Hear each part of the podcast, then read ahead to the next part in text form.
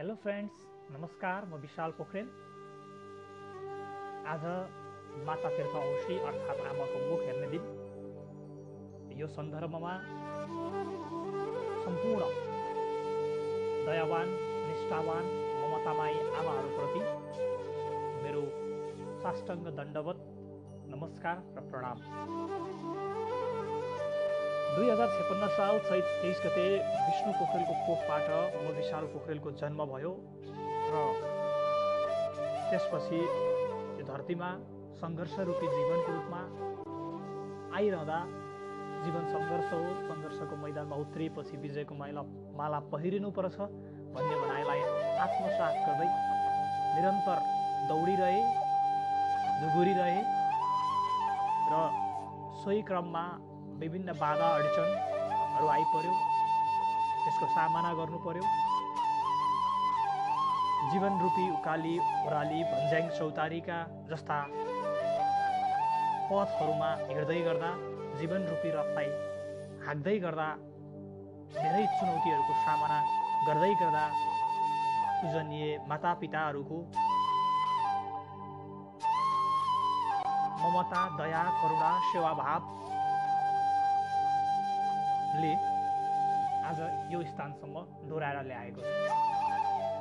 हिजोको दिनमा जुन किसिमको दुःख कष्ट भोगिरहनु भयो वा आजको दिनसम्म जुन किसिमको एउटा सपोर्ट गरिरहनु भएको छ यसको म सदा सदैव ऋणी हुनेछु।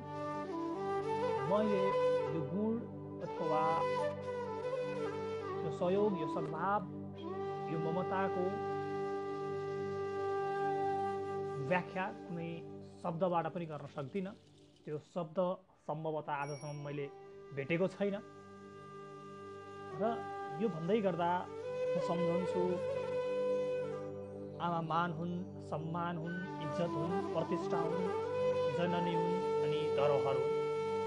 त्यसैले आमाप्रति गरिने लगाव झुकाव वा समर्पणको भाव नै सच्चा आमाप्रति गरिने श्रद्धा सम्मान र हार्दिकता रहिरहनेछ। हिजोको दिनमा जुन किसिमको दुःख कष्ट भोग्नु पर्यो एउटा बालकलाई यो स्थानसम्म पुर्याउँदाखेरि र आजको दिनमा जुन किसिमको सहयोग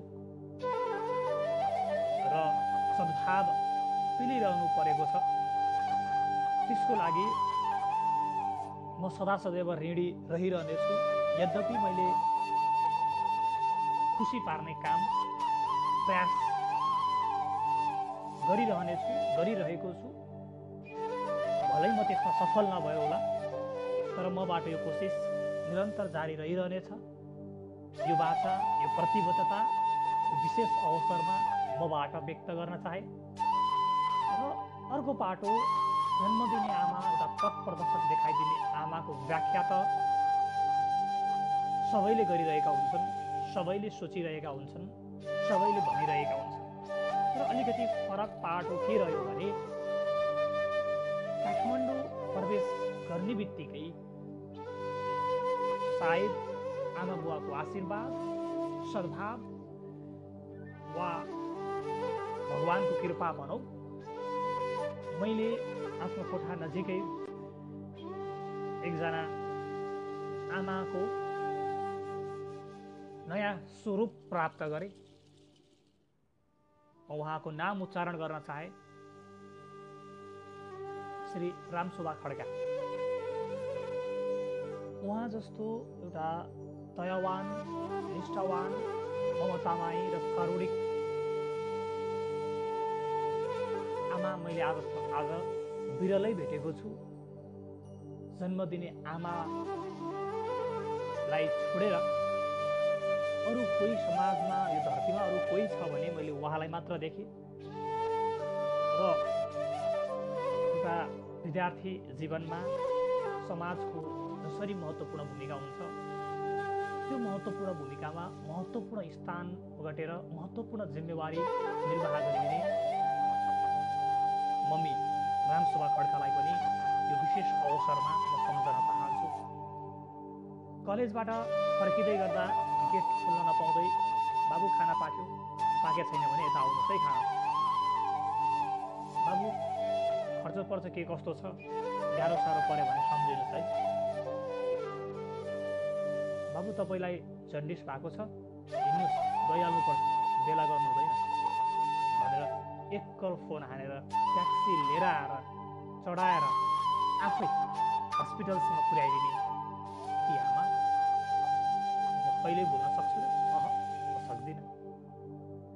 यो एउटा मानवीय धर्म हो। सामाजिक सामाजिक उत्तरदायित्व अनि एउटा गहन जिम्मेवारी हो।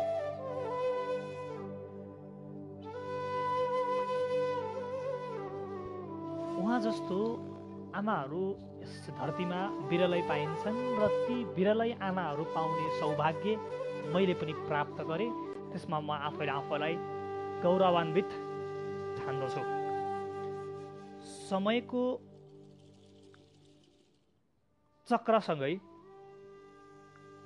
हिजोको दिनदेखि आजको दिनसम्म आइरहँदा यी दुवै आमाहरूले मप्रति जुन खालको सहानुभूति मप्रति जुन खालको एउटा करुणा दया माया सद्भाव पोखिरहनु भयो त्यसको म जीवनको अन्तिम सास रहन्जेलसम्म पनि म बिर्सन सक्दैन सक्दिनँ एउटा सानो घटना यहाँ स्मरण गराउन चाहे एउटा सानो अंश यहाँ जोड्न चाहे। कतै लडियो वा ठक्कर लाग्यो भने हाम्रो मुखबाट ऐया आमा भन्ने वाक्यांश निस्किहाल्छ। अप्ठ्यारो परिस्थितिमा मुखबाट आमा शब्द नै निस्किन्छ। प्राणीका लागि माताले जस्तो हेरचाह र पोषण प्रदान गर्ने कोही हुँदैनन्। मानिसमा मात्र नभई अन्य प्राणीमा पनि आमाको भूमिका प्रशंसनीय छ। चराले किन टाढा टाढासम्म पुगेर आफूले नखाएर पनि चुच्चोमा आहा च्यापेर ल्याउँछ? भर्खरै जन्मिएको बाछाको नजिक जाँदा गाईले किन हान्न खोज्छ? बाँदरको बच्चालाई चलाउन जाँदा नजिक जाँदा किन बाँदरहरू उठेर आउँछन्? सबैको उत्तर एउटै छ। प्राणीलाई आमाले जस्तो माया गर्ने संसारमा अरू कोही पनि छैन। एउटा कथाको स्मरण गर्न चाहे यहाँनिर। सगुरी र निगुरी नामका ती दुई दुईजना नारी थिए। अचानक एउटीको छोरो हरायो अर्कीले भेट्टाई। सगुरी र निगुरी नामका ती दुईटा नारी एउटा छोराको बिचमा आए उक्त छोरालाई दुवैले आफ्नो सन्तान भएको दावी गरे। अब न्यायका लागि न्यायाधीश कहाँ जानु पर्यो उक्त मुद्दा फैसलाका लागि आफू कहाँ आउँदा न्यायाधीश स्वयंलाई पनि फसाद पर्यो के गर्ने कसरी गर्ने भन्ने अलमलपछि न्यायाधीश एउटा निष्कर्षमा पुग्दै दुवैसँग प्रश्न गरे अब यो बालकलाई आराले बिचबाट चिरेर दुई भाग लगाई एक एक भाग बाँडिदिन्छु न्यायाधीशको यस्तो वचन सुन्ने बित्तिकै सगुरीको ममता उर लिएर आयो र उनले भनिन् बरु मलाई मेरो छोरो चाहिँदैन उसलाई नकाट्नु। तर निगुरी बालकको आधा शरीर भए पनि स्वीकार गर्न तयार भइन्। यसबाट न्यायाधीशले उक्त सन्तान सगुरीकै नै भएको थाहा पाए। यो कथनले आमाको ममता स्नेह त्याग गर्न सक्ने शक्ति तथा अगाध प्रेमलाई स्पष्ट पार्छ। सन्दर्भमा म भगवान्सँग सधैँ प्रार्थना गर्छु। मेरो कारणले अन्जानमा मेरा यी दुई आमालाई दुःख कहिले नहोस्। भगवान् छ छैन थाहा छैन तर मेरा लागि मेरी आमा मलाई जन्म दिने आमा र आज मेरो कोठाको नजिकै बसेर म प्रति एउटा उत्तरदायित्व बहन गरिदिने एउटा जिम्मेवारी बहन गरिदिने एउटा दया माया र करुणाको सागर पोखिदिने यी मेरै दुवै आमा मेरो लागि भगवान् हुन्। उहाँहरूको चित्त दुखाएर उहाँहरूलाई रुवाएर म कहिल्यै सुखी हुन सक्दिनँ। मेरो आनन्द उहाँहरूको मुस्कानमा छ। आज आमाको मुख हेर्ने दिनमा यो सन्दर्भमा विशेष अवसरमा उहाँहरूको सुख शान्ति साहित्य प्रगति समृद्धिको कामना गर्न चाहन्छु। र अन्तमा जननी जन्मभूमिस्थ स्वर्गदपि गरिएसी भन्ने मूल भनाइलाई आत्मसात गर्न सम्पूर्णमा आह्वान गर्दै सम्पूर्ण